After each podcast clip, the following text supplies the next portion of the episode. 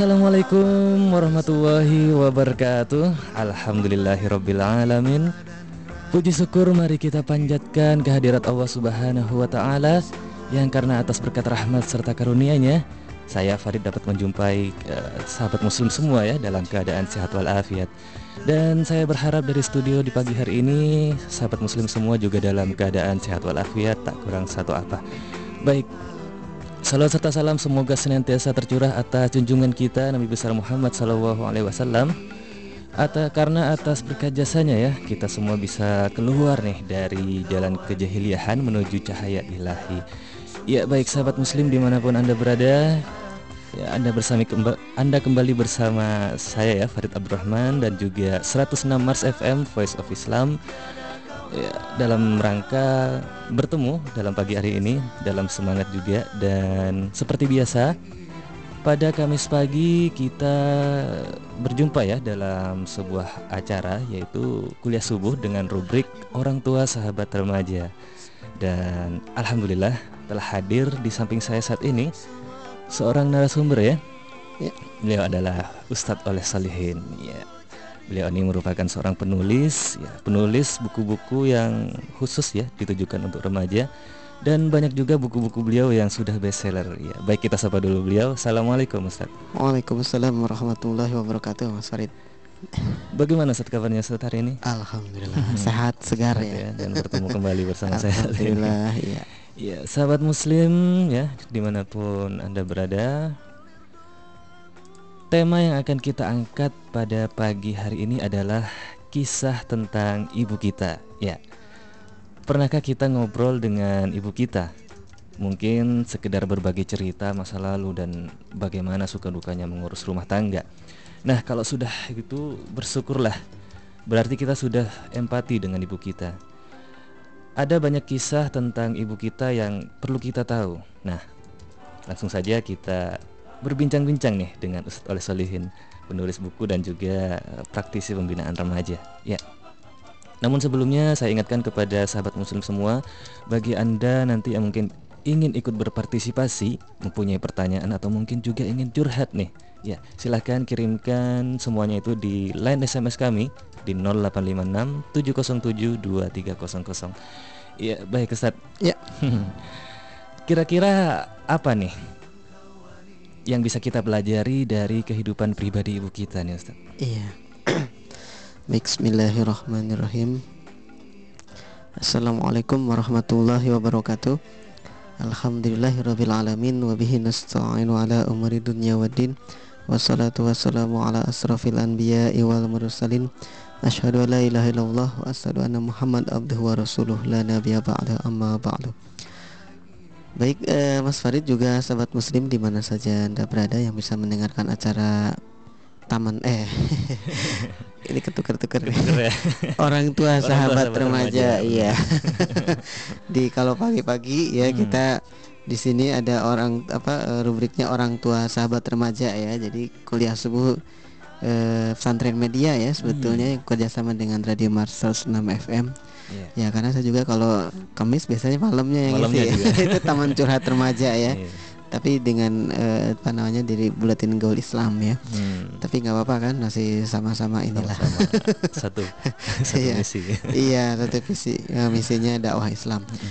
Baik uh, Farid ya. Jadi uh, untuk Mas Farid juga sahabat muslim kalau bicara tentang uh, yang bisa kita teladani dari orang tua kita ya tentu saja terutama ibu ya insya Allah hmm. sangat banyak ya artinya banyak di sini eh, yang berkaitan dengan pengalaman hidupnya ya dalam mengurus rumah tangga hmm. artinya kita sebagai anak-anaknya kan juga pasti merasakan dulu ketika uh, ya bukan hanya dulu ya tapi dari dulu sampai sekarang gitu ya ya yang masih tinggal dengan orang tua masih dengan ibu dan ayah kita ya -hmm. tentu masih merasakan gimana eh, kadang ada apa ya ibu tuh wah sangat gigih ya hmm, benar uh, semangat gitu untuk memperjuangkan kita uh, kadang juga rewel gitu ya. maksudnya rewel dan pengertian cerewet dia harus gitu ya. selesai ya. ini kamu harus bangun pagi hmm. kamu harus wah banyak sekali gitu kan kamu harus uh, mengerjakan ini mengerjakan itu mungkin yang Hmm. putri disuruh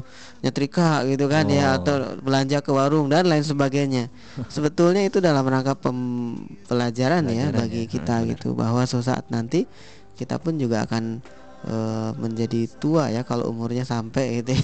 maksudnya belum ajalnya Iya. ya kemudian nanti juga akan punya anak-anak ya mungkin sebelum punya anak latihannya itu sebelum berkeluarga adalah kita bekerja sama dengan orang lain dalam sebuah kegiatan entah dalam sebuah komunitas atau organisasi. Iya. sehingga kita jadi tahu juga oh ternyata ibu tuh memang benar-benar ngatur gitu ya ngatur eh, rumah tangga ini. Karena kan sebagai kepala rumah tangga ya kalau kepala keluarga kan ayah ya. Hmm, jadi kalau eh, apa kepala rumah tangga ya ibu artinya ngatur di rumah ya menyiapkan segala hal gitu ya. Hmm, eh, yang berkaitan agar rumah itu enak ditinggali gitu kan ya. Iya. Eh, anak-anaknya juga tertib gitu ya. Terus juga ngurus suaminya juga gitu kan ngurus ayah kita. Hmm, nah maka memang itu perjuangannya lumayan berat gitu ya. Dan itu bisa kita teladani banyak sekali dari ibu kita gitu Iya. pengalaman hidup seperti itu. Hmm, ya nah tidak-tidaknya yang global tadi ya eh, bagaimana misalnya mengurus rumah tangga bagaimana menghadapi anak-anaknya. Hmm. kadang ada anak atau kita rewel apa kita nakal sekalipun tetap dikasihani ya sama ibu kita. hmm, Ya, maksudnya besar. Iya tidak dibeda-bedakan. Kasih sayangnya itu kalau misalnya ibu kita punya anak tiga gitu atau dua ya kasih sayangnya insya Allah sama gitu kan. Walaupun mungkin ada prioritas itu yang membedakan saja kalau prioritas tuh ya tentu seperti misalnya kalau anak yang pertama kan udah gede SMP misalnya tentu berbeda prioritas eh, kepentingannya prioritas keperluan-keperluannya gitu kan dengan yang masih TK gitu kan ya Iya, benar. atau masih SD itu hanya persoalan teknis saja gitu semuanya dikasih oleh ibu kita gitu dibagi rata istilahnya sesuai dengan porsinya sesuai dengan kebutuhan yang hendak dimiliki oleh anak-anaknya yang, yang berbeda usia gitu dengan anak yang artinya di antara mereka kan pasti ada yang besar ada yang kecil ya ada yang anak pertama ada Iya, yang anak anak keenam misalnya kan Hmm, benar. nah di situ hanya perbedaan dari prioritas kebutuhannya saja gitu kang Mas Farid Hmm, saya pernah berpikir nih Ustadz bahwa sosok ibu itu kan identik dengan sosok yang lembut ya. Nah berbeda dengan ayah yang tegas. Nah sebenarnya ada apa nih di balik semua itu Ustadz? Iya. Hmm. Kalau itu sih memang karakter yang diciptakan oleh Karakter Allah memang Subhanahu wa taala ya. Iya, iya. Artinya seorang ibu itu memang dia akan eh, lembut ya, lembut dalam pengertian eh, kasih sayangnya itu ditunjukkan sekali gitu. Contoh misalnya kalau ada anak nangis gitu kan ya, kadang kalau ayahnya sih ya kasih tahu udah kamu jangan nangis gitu. Tapi kalau Hmm. ibunya ya dia gendong gitu anaknya. Iya. ya. dia. Seringnya kan begitu ya kita Iya. eh, apa melihat gitu ya kenyataan di di apa dalam kehidupan sehari-hari gitu. Hmm. Memang ada juga gitu ayah yang anaknya rewel misalnya kan gitu ya, tapi kemudian dia asuh dia gendong gitu gitu bisa gitu. Hmm. Teman tidak seper, tidak bisa semua memberikan seperti halnya diberikan oleh seorang ibu. Iya. benar. Ya contoh misalnya kalau anaknya masih kecil ya ini diajak main tetap nggak bisa juga gitu kan ya ternyata dia pengen minum susu gitu kan ya maksudnya asi air susu ibu nah itu kan nggak bisa diberikan ayahnya Iya. kan nggak ada air susu Nggak ayah ya.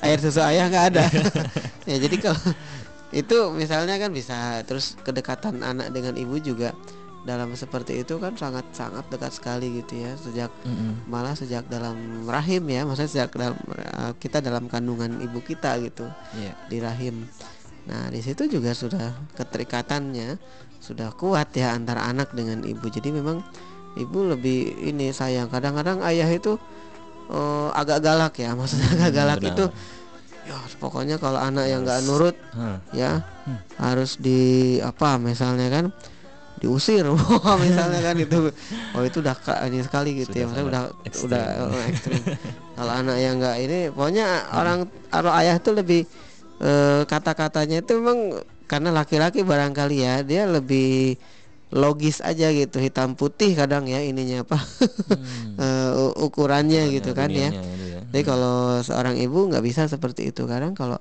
eh, meskipun kesel sama anaknya gitu ya tapi ketika anaknya dimarahin sama bapaknya Hmm. ibunya malah suka belain juga gitu ya itu memang Benar. gimana ya jadi selalu ada ini apa rasa eh, kasih sayang yang Hmm. yang kuat ya di antara eh, a- anak dengan ibunya Benar. ya maka kita bisa melihat ya atau eh, ya suka heran aja gitu kalau ada anak yang nggak taat sama orang tuanya terutama sama ibunya itu kan juga Hmm. perlu di ini kasih tahu itu ya bila perlu gimana dulu misalnya eh, anak itu diur dirawat oleh ibunya kan coba Hmm. malam-malam ya kalau kita sakit gitu ya terus oh, kadang ngompol gitu ya ya buang air besar gitu kan nggak ini Iya. tapi ibu kita ya dengan ikhlas ya dia merawat kita, Merawat gitu Hmm, benar. maka kalau udah gede terus kitanya nggak ini eh, apa Nggak- tidak menghargai orang Hmm. tua kita ya itu kebangetan gitu ya Benar. artinya kebangetan tuh ya udah diurus gitu ya tapi kok Hmm. nggak ini ya kan ibaratnya apa air susu dibalas air Hmm. apa air tuh tuba. air tuba ya iya jadi Iya. itu eh, memang eh, harus kita pikirkan juga gitu ya. Nah itu memang orang eh, ibu terutama ya lembut terhadap anak-anaknya. Dia memang lebih sayang ya dibanding ayahnya. Ayah juga sayang cuman Hmm, cuman- kasih sayang seorang ibu tuh lebih. Sehingga eh, dalam hadis juga ada yang sampai kepada siapa aku berbuat baik? gitu. Sampai tiga kali nyebut ibumu itu ya.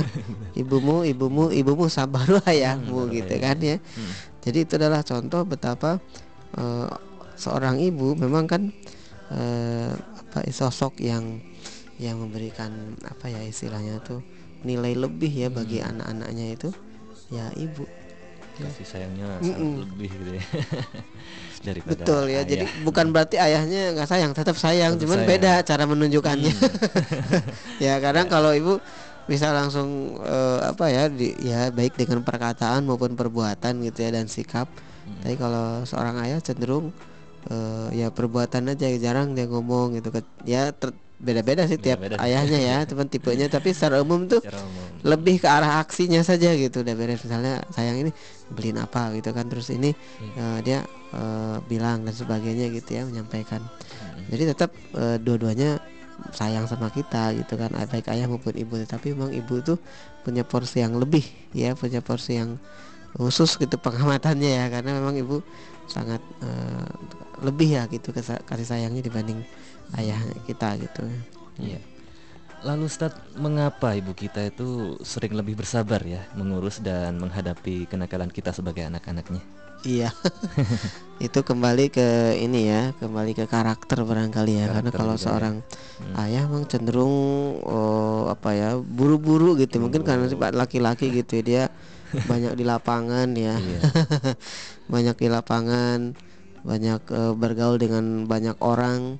Sementara ibu kan ya yang diurusnya ya itu saja gitu Betul. kan. Ya maksudnya eh, ya tentu harta suaminya gitu, kehormatan dirinya, kehormatan suaminya juga eh, apa anak-anaknya kan muter di situ biasanya. Jadi Benar. untuk memperhatikan anak tuh dia jauh lebih banyak waktunya Hmm. bisa taruhlah bisa ya seharian gitu kan. Kalau anaknya bisa sekolah jam 7 pagi pulang lagi jam 1 ya dia selama itu mungkin eh, tidak memantau anaknya karena tidak tahu ada di sekolah kan gitu ya. Iya. anak anaknya ada di sekolah dia eh, tidak bisa memantau. Tetapi dia berharap berdoa itu ya Hmm. dalam kesendiriannya ke- kesendiriannya ya baik sholat lima waktu maupun sholat duha gitu kan mendoakan kita gitu.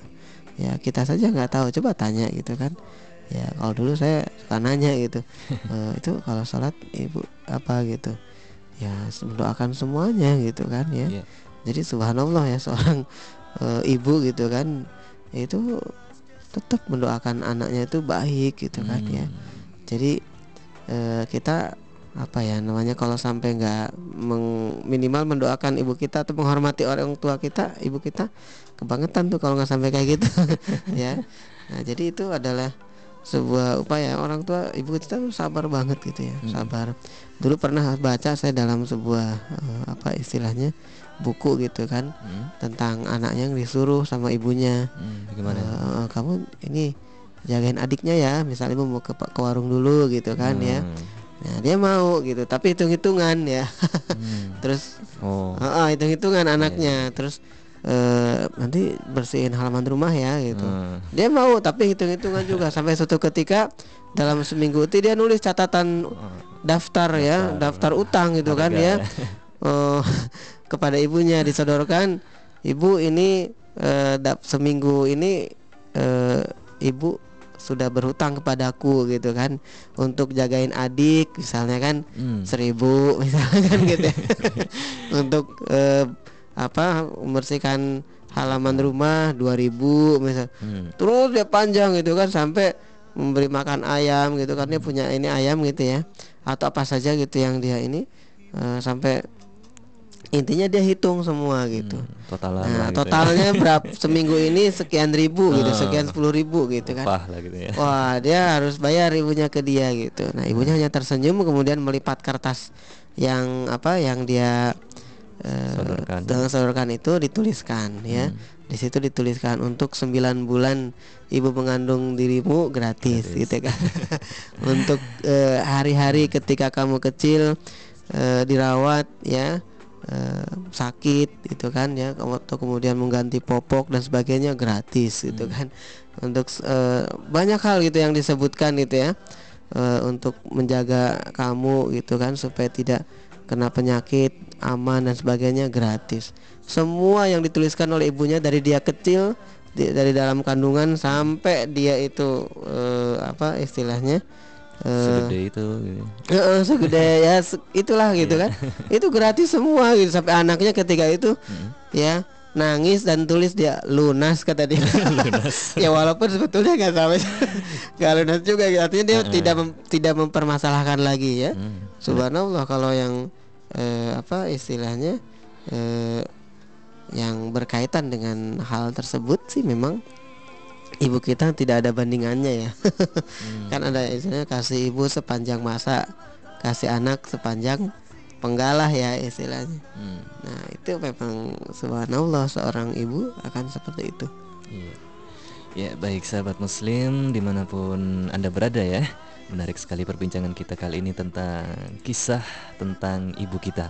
Dan jangan ke mana-mana karena setelah satu lagu berikut ini Kita, saya Farid Abdurrahman dan juga Ustadz Oleh Sulihin Akan kembali lagi menemui anda dengan ya perbincangan yang lebih menarik lagi tentang tema kita kali ini ya. Ya tetap setia di 106 Mars FM Voice of Islam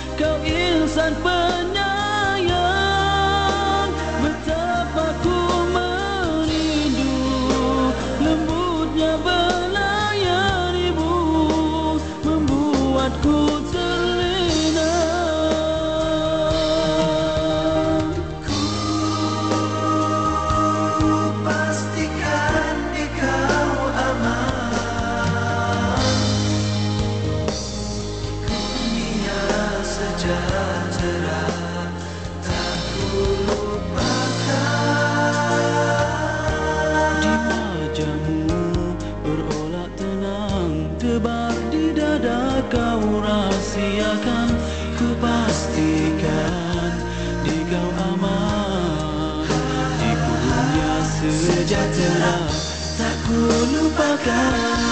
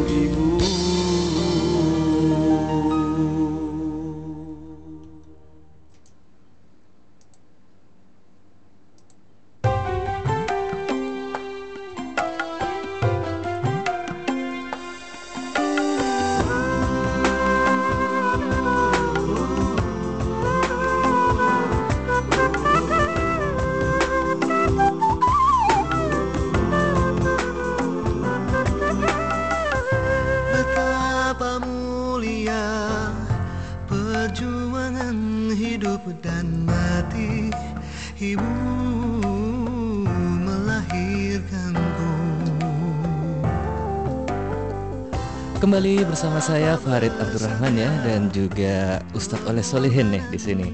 Ya, dan sedang memperbincangkan sebuah tema yaitu kisah tentang ibu kita dan tentunya eh, dalam rubrik kesayangan kita kali ini yaitu rubrik orang tua sahabat remaja.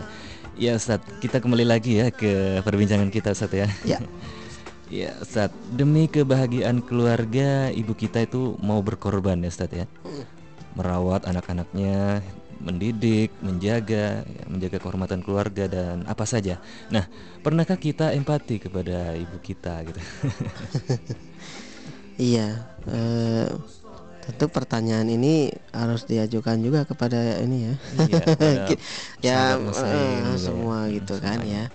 Jadi kalau memang eh, apa ya namanya sikap empati itu ya seharusnya memang ada ya dalam diri kita gitu kan ya. Mhm. Eh, apa istilahnya eh, yang harus kita ini apa istilahnya itu di dibandingkan ya dengan misalnya dengan sahabat kita sekalipun gitu kan ya dengan orang-orang yang dekat dengan kita gitu kalau sesaat nanti misalnya punya istri gitu kan ya Mhm. nah ini kalau laki-laki punya istri ya kalau kalau perempuan Kalau punya perempuan suami punya suami. Hmm. suaminya ya laki gitu kan arti berpasangan laki perempuan bukan suami istri tapi sejenis ya nggak boleh ya jadi di situ eh, kita lihat ya eh, apa istilahnya empati Mhm. kita eh, bagi apa ya istilahnya eh, ibu yang sudah ditunjuk yang di- sudah di, diberikan oleh orang tua kita ya terutama ibu ya kita harus eh, empati gitu ya. Kalau tanya pernahkah empati? Ya kalau saya sendiri ya selalu empati insya Allah ya. Hmm, iya. gitu kan ya. Nah sahabat muslim juga nanti bisa selalu empati dengan orang tua ya. Hmm. eh, dengan apa istilahnya dengan ibu kita terutama ya. Dengan perjuangan-perjuangan yang dilakukannya selama ini merawat kita gitu ya. Benar kemudian berkorban apa saja gitu kan. Jadi eh, memang itu teladan sekali gitu ya oleh orang tua terutama ibu kita yang bisa kita jadikan sebagai rujukan gitu ya sehingga kita empati dengan apa yang sudah dilakukan oleh ibu kita Iya. ya harus ya kalau itu harus. Iya, dan jika kita memiliki ibu yang tak hanya sebagai ibu rumah tangga, nih, Ustaz, tapi juga aktif berdakwah. Nah, apa yang bisa diteladani darinya ini? Ya, jadi eh, di masyarakat saat ini ya di banyak keluarga muslim eh, banyak juga yang saat ini anaknya itu atau orang tua ayah anaknya yang memiliki ibu misalnya dan juga ayahnya itu juga aktivis dakwah Hmm. misalnya kan gitu ya Iya. kan kalau generasi memang yang booming di awal-awal itu ya generasi tahun akhir 8 tahun 80-an ya itu eh ya sebetulnya itu yang mulai merintis ya ketika mereka SMA gitu kan di tahun 80-an gitu ya Benar. atau mungkin 70-an akhir gitu 80-an awal terus sampai 90-an itu kan ya mereka ketika remaja itu sudah belajar Islam ya Hmm. sudah tersibokoh istilahnya kan sudah tercelup dengan warna Islam gitu ya Iya. sehingga ketika mereka menikah gitu kan ya Hmm. lulus SMA atau kuliah menikah di akhir 80-an gitu kan atau 9 awal 90-an menikah punya anak ya tentu anaknya sekarang udah umur 20 tahunan kan gitu ya Hmm, benar. Nah, maka eh, itu menunjukkan ya pasti orang tuanya itu ya yang aktivis dakwah ya sudah ini nah, sehingga anak-anaknya itu sahabat muslim yang sudah SMA gitu ya, sudah SMP, SMA lah rata-rata ya. Atau ada yang mungkin sudah kuliah gitu pasti melihat itu sosok ibunya yang juga aktif berdakwah Hmm. ya atau juga ayahnya gitu kan Nah, kita bicara tentang ibu ya ibunya Hmm, benar. Nah, apa yang bisa kita teladani? Bisa kita teladani bahwa sosok ibu kita itu ternyata bukan hanya ibu rumah tangga gitu ya, Hmm. tapi dia aktif juga ya minimal sekali gitu dakwah di tetangganya gitu kan ya. Hmm, ya. Ngisi pengajian di tempat yang dekat gitu ya. Hmm. Ya itu adalah sosok yang yang kita teladani gitu bahwa ternyata dia tidak hanya menjadi eh, ibu rumah tangga tapi dia bisa membagi eh, pekerjaannya, membagi fokus perhatiannya Hmm. juga untuk orang lain ya. Dalam hal ini kan bermanfaat bagi orang lain jadi menjadi salah satunya ya misalnya berdakwah gitu kan karena mengingatkan orang lain. Ya. Itu yang bisa kita teladani gitu kan ya. Hmm. Eh, sehingga eh, di rumah itu ibu kita tidak hanya menjaga kita gitu. Ketika selesai semua pekerjaan rumah, Hmm. dia bisa pergi gitu kan untuk in- tentu atas izin ayah kita gitu ya, suaminya gitu, suami ibu kita. Kemudian eh, dia akan eh, aktif misalnya berdakwah, tapi ya tidak meninggalkan berhari-hari gitu ya. kalau sampai meninggalkan berhari-hari keluarga itu juga jadi tidak baik juga ya. Kalau lapangan dakwah yang untuk yang wanita ya tentu di di rumahnya Hmm. Di sekitar rumahnya gitu kan ya paling jauh ya masih dalam kota yang sama misalnya sehingga masih bisa pulang Ya. eh, ke rumah tanpa harus anak-anak terlantar dan sebagainya gitu kan ya tetap Hmm. aja walaupun ada pembantu lain nilainya ya maksud lain rasanya Iya. bagi lain situasinya Hmm. nuansanya berbeda bagi anak-anak itu dengan ibu saya sendiri yang ngatur Hmm. yang ngurus nah jadi eh, paling seperti itu yang kita ini kan ya Pak istilah teladan itu oh berarti hebat juga ya ibu kita misalnya kan eh, bukan hanya bermanfaat bagi keluarga tapi dia juga bisa membagikan ilmunya Hmm. ya kalau misalnya tidak sempat untuk eh, apa istilahnya eh, keluar rumah mungkin karena anaknya banyak gitu kan ya ada Iya. yang masih kecil ya tapi dia kan ketika anak-anak sudah diberes beres semua sudah pada mandi pada rapi segala macam kan masak makanan dan sebagainya Hmm. ya ditemani misalnya kalau ada pembantu ya temani pembantunya tapi dia bisa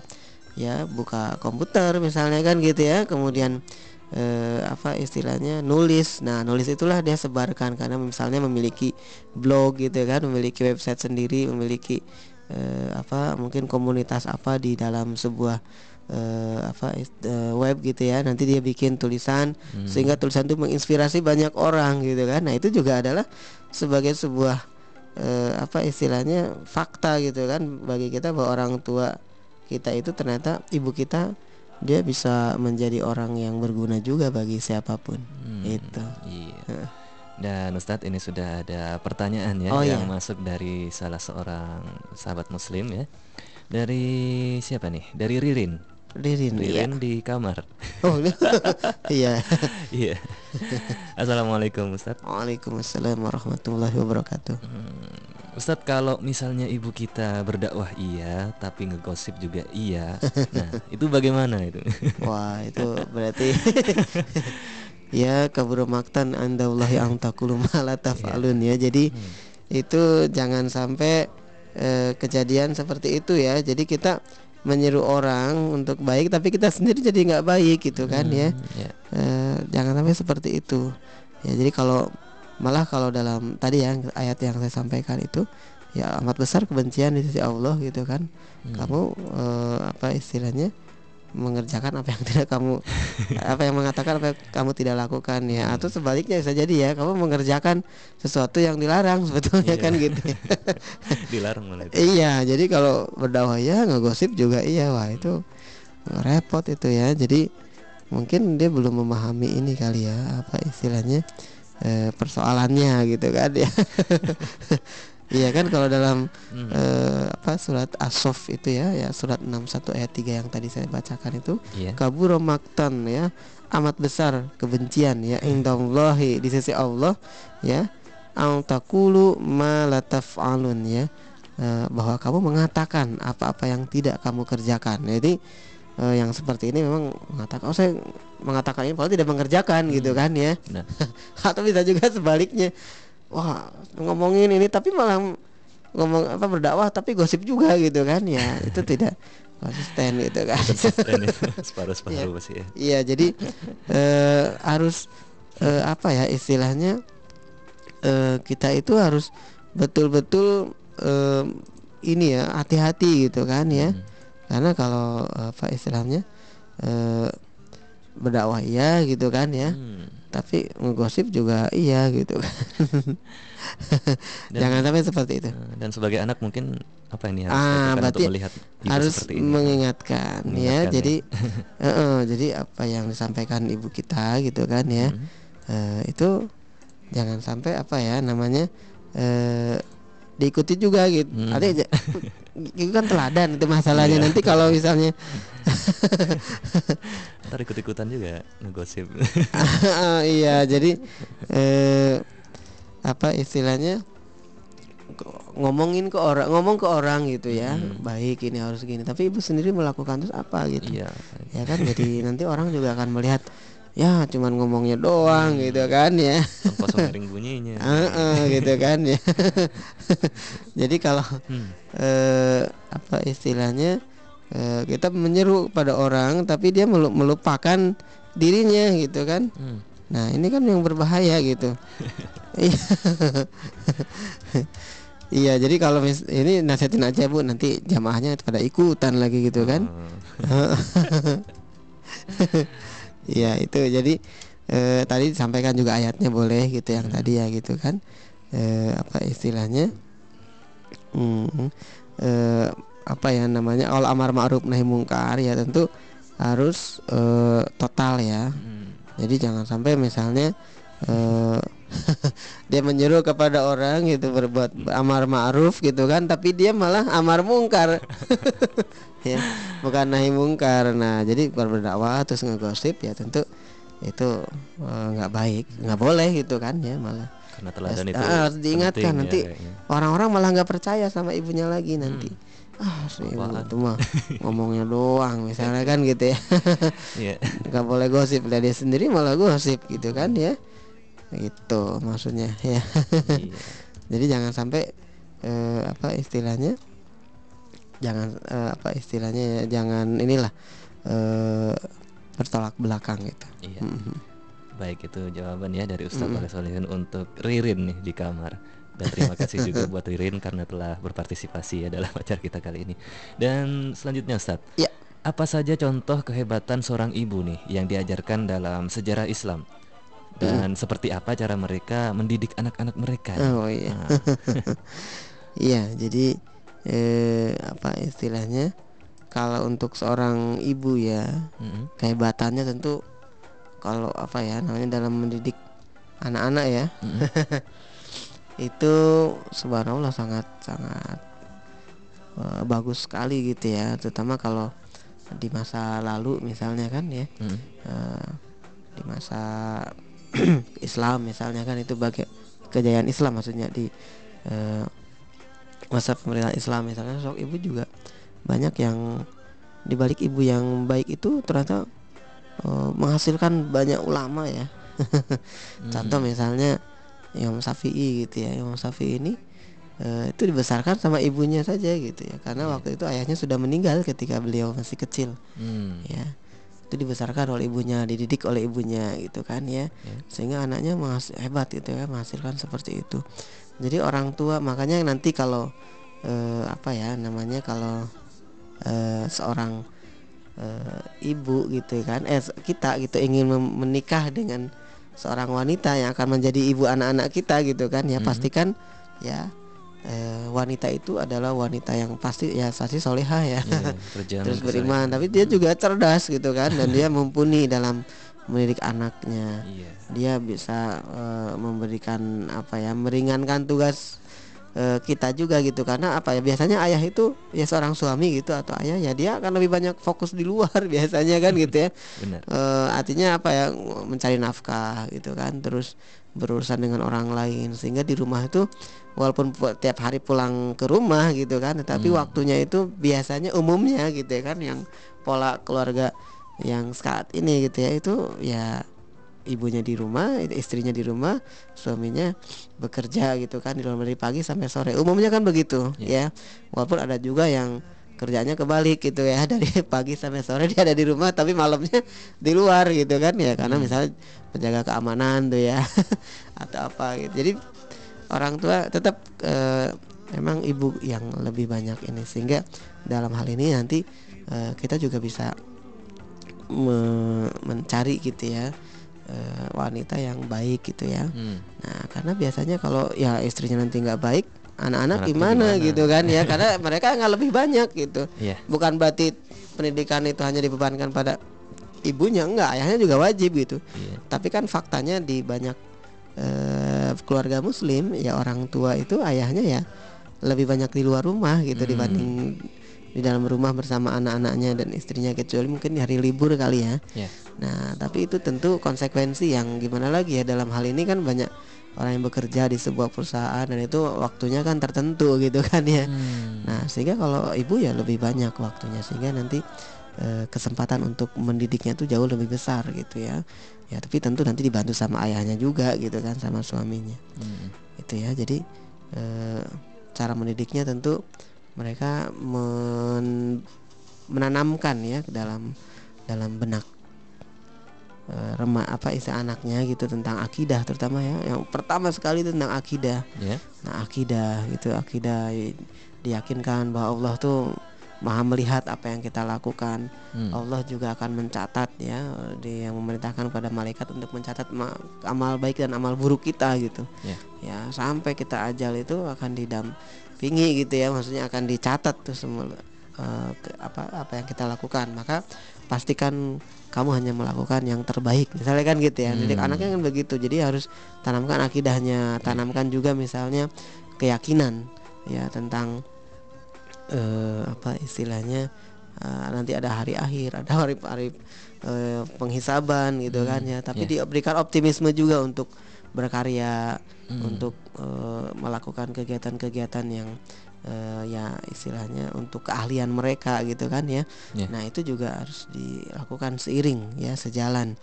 Nah, itu juga pendidikan-pendidikan yang saya pikir bagus juga gitu untuk di- diterapkan ya karena seorang eh, ibu memang biasanya pendidik yang unggul ya. Hmm. Benar.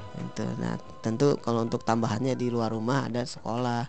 Mungkin ada juga yang mungkin gabung dengan homeschooling dan sebagainya gitu ya. Tapi Hmm. intinya adalah bagaimana mendidik anak itu sampai ke surga ya. Hmm, itu yang mengantarkannya. penting. orientasinya itu. Hmm, ya. Ya, bukan ya di- hanya di dunia saja Dunia gitu kan. Kita bisa ini, materi. bisa itu, Hmm. bisa baca ini, bisa mengerti ini, bisa meneliti ini. Itu juga bagus, tapi bukan hanya itu gitu kan. Hmm. Karena ya masih ada hal lain yakni eh, akhirat nanti yang lebih utama.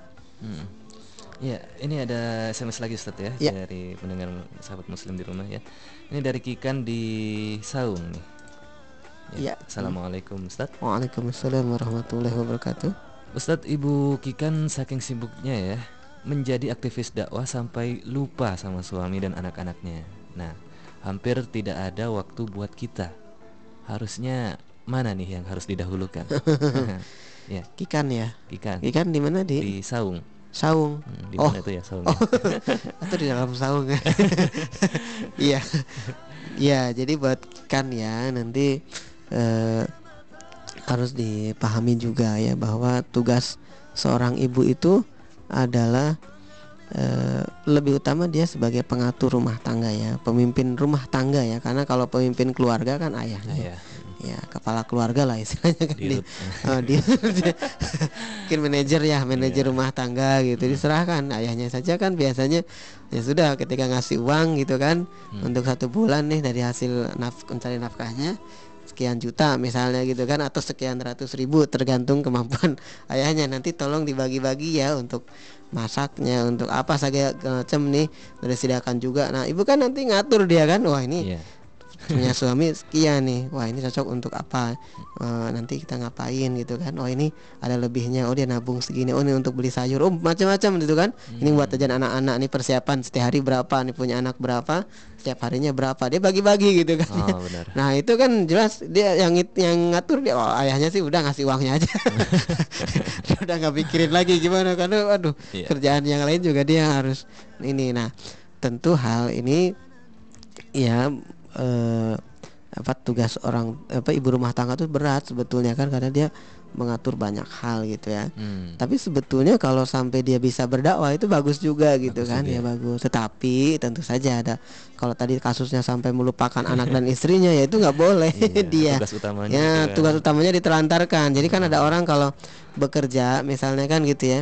Ini tugas utama anda ini ini ini misalnya diamanatkan dari pimpinannya. Ya dia mengerjakan itu saja gitu tugas utama. Iya. kalau misalnya ada tugas tambahan dari ngerja bantuin temennya misalnya kan gitu ya.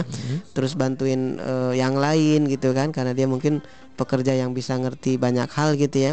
Tapi ya sebatasnya membantu saja. Kalau pekerjaan utamanya belum selesai ya dia akan bilang ke temennya mohon maaf ya nanti saya akan bantu anda tapi eh, saya ngerjakan tugas utama saya dulu gitu. Ini kebetulan di ada deadline-nya. Oh ya ma- temennya juga maklum gitu. Tapi kalau kemudian kita lebih asik dengan tugas tambahannya itu masa tugas yang di luar kewajiban ya tentu ya nanti Gimana ditanya ya? pimpinannya mana nih kamu kerjaannya? Oh saya bantuin itu ya ban- betul bantuin itu juga bagus tapi kamu harus kerjakan tugas kamu istilahnya kan gitu.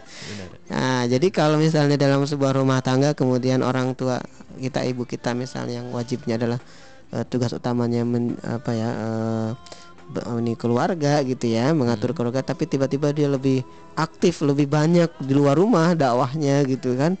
Terus sampai menelantarkan anak dan suaminya gitu kan ya. Eh, pulang suaminya istrinya masih berdakwah gitu kan ya. Paling SMS Iya. Iya eh, ayah gitu kan. Ya bi misalnya. Eh, Umi lagi di ini dulu gitu kan. Nanti ya makanan udah ada di situ. Nah, gimana perasaannya gitu kan tolong anak-anak mandiin ya yang paling kecil oh kalau Alih fungsi jadi. alih fungsi nanti ya tentu berdakwah yang Iya. memang ada kalanya eh, apa istri diperlukan juga kemampuannya gitu ya tapi kan harus tetap harus harus eh, melihat waktunya melihat Hmm. kondisinya gitu kan ya dia misalnya kalau sudah punya anak lebih apa lebih banyak dibanding eh, wanita yang lain misalnya ibu rumah tangga yang lain sama-sama aktivis dakwah juga ya dia minta eh, apa keringanan ya mungkin dakwahnya saya di sekitar rumah saya aja misalnya kan gitu ya kan tetap berdakwah juga gitu. Iya. ya kalau untuk yang jauh-jauh silahkan deh ke yang masih lajang atau masih punya anaknya nggak terlalu banyak. Atau yang Hmm. buat pengantin baru nih biar tambah semangat misalnya kan gitu. Dilatih karena kalau misalnya hanya mengandalkan satu orang berarti itu ada yang salah dengan pembinaannya kan gitu ya. Nah harusnya semua orang bisa bergerak ya bisa melakukan hal yang sama bisa saling backup gitu ya dan terutama kalau jangan sampai kita berdakwah gitu. Nanti pas dakwah gitu dengan ibu-ibu ya di sana misalnya dakwah jadi kita harus mementingkan keluarga bu. Lah Hmm. Usa usahanya sendiri kan sekarang ada di mana nih? Keluarganya terlantar. Jangan sampai seperti itu nanti. Iya. ya orang dibalikin gitu kan. Lah ibu sendiri gimana gitu kan ya? Mau jawab apa? oh bingung juga dia jawabnya nanti. Iya. ya jadi itu ya buat kamu mungkin bisa nasihatin juga gitu. Dulu ada eh, cerpen tuh bagus juga gitu ya. Jadi eh, apa namanya eh, yang di majalah Permata dulu ya kalau nggak salah. Di majalah Permata sobat muda ya waktu saya waktu Hmm. kerja di sana gitu. Ada tulisan eh, tentang ibunya ya apa anak gitu yang dia kesepian itu terus mau buka puasa gitu. Juga nggak ada yang ini masak nasinya gitu. Ayahnya juga sama lah. Ibunya kan aktif berdakwah. Nah sesaat anaknya ngingetin gitu kan ya. Walaupun jangan sampai ya kita i- apa berdakwah di mana-mana tapi anak kita terlantar atau istilahnya tidak diurus, tidak diberikan informasi yang baik, ya terus ibu- terutama ibu-ibu ya ke mana-mana dia ceramah segala macam ya, tapi suaminya nggak diurus gitu kan. kecuali mungkin kalau dia suaminya punya istri yang lain gitu kan Ah. jadi urusan sama yang lain ya mungkin ya tetap aja dia tetap sebagai istrinya kan harus Harusnya. Eh, sama kan artinya dia punya kewajiban yang sama Ya. nah itu yang harus diperhatikan ya jadi Kikan bisa sampaikan ke ibunya gitu ya Hmm. bahwa ya nggak apa-apa dakwah tuh bagus juga gitu kan tapi dia harus pertama ya tentu yang utama adalah taat pada suaminya gitu Mm-mm. kan ya kalau suaminya eh, apa istilahnya eh, tidak menginginkan ya jangan memaksa gitu. Mm. bahkan suami juga harus tegas gitu kan ya jangan bukan berarti wah dia nggak bisa apa-apa tujuannya dakwah gitu. Ya Iya. sudah deh nggak apa deh kamu. Nah itu juga suami yang payah gitu ya maksudnya payah itu ya artinya dia tidak bisa menjadi kepala keluarga gitu kan memutuskan untuk ini. Jadi mentolerir hal-hal itu padahal nanti suatu saat kan ya akan dilihat anak-anaknya gimana sih ayahnya gitu kan ibunya. Walaupun itu baik juga gitu dakwah. Tapi ya kalau terus berhari-hari di luar rumah menelantarkan tadi kan yang Kikan sampaikan sampai menelantarkan gitu Iya, ya. sampai melantar. Eh, eh, suami dan anaknya itu itu nggak boleh gitu. Kalau sampai seperti itu diingatkan saja gitu. Bahwa tugas utama seorang ibu adalah di rumah ya di rumah tangganya mengatur gitu. Bukan berarti dakwah nggak boleh boleh tapi di disesuaikan sesuai porsinya sesuai dengan tugas utama. Jadi dia melengkapi saja gitu tugas utama. Kan masih bisa taruhlah nulis gitu. Nulis di blog bisa banyak dibaca. Orang juga berdakwah insya Allah Iya. gitu kan lewat tulisan. Jadi tidak mesti kita harus datang karena ini perempuan terbatas geraknya ya. Iya. dan dia banyak banyak eh, tanggungan gitu banyak kewajiban yang dia harus penuhi di rumahnya gitu. Mungkin kalau seorang ayah ya atau seorang laki-laki ya suami itu bisa jam terbangnya bisa jauh gitu kan ya. Walaupun tetap juga dia tidak boleh menelantarkan anak dan istrinya gitu kan. Ya itu adalah sebuah eh, fenomena barangkali yang sekarang ini juga ada terjadi gitu ya. Dan itu ya tentu harus kita pikirkan solusinya gitu ya. Tadi solusinya itu ya bagaimana mengatur ya eh, jadwal gitu ya Hmm. agar semuanya bisa dilakukan dan yang penting tidak ini tugas utama ya tidak menelantar tugas tidak mengesampingkan tugas utama Benar. Iya, itu buat Kikan ya di Saung. Ya, dari pertanyaan Kikan kita beranjak ke pertanyaan yang dikirimkan oleh Willy nih. oh ya Willy di Jalan Jalak Harupat. Lili di jalan jalan Karupat iya Assalamualaikum Ustaz. Waalaikumsalam warahmatullahi wabarakatuh Ustaz tetangga saya ibunya ustazah. Ya, ustazah yang sering memberikan tausiah, Mm. tapi anaknya pada nggak bener semua. sering Iya. keluyuran, ya sering keluyuran, sering sering keluyuran malam, ya. Mm-mm. bergaul dengan lawan jenis dan lain-lain. iya Nah, itu salah siapa nih Ustaz? iya tentu dalam hal ini orang tuanya ya Orang tua. baik ibunya maupun ayahnya Nah, terutama memang ya ibunya ya karena eh, tugas berdakwah itu memang eh, muslim dan muslimah gitu ya istilahnya. Itu ada apa istilahnya eh, punya kewajiban yang sama gitu kan ya. Artinya dia menyeru kepada kebaikan dan sebagainya. Itu kewajibannya semua gitu kan ya. Mm, jadi kalau eh, apa istilahnya eh, dakwah ya itu seluruh kaum muslimin eh, itu wajib gitu kan. Maksudnya untuk menyampaikan eh, apa istilahnya eh, eh, penyampaian dakwah gitu kan ya. Makanya dipuji juga oleh Allah Subhanahu wa taala dalam surat eh, Fusilat ya 41 ayat 33 gitu kan.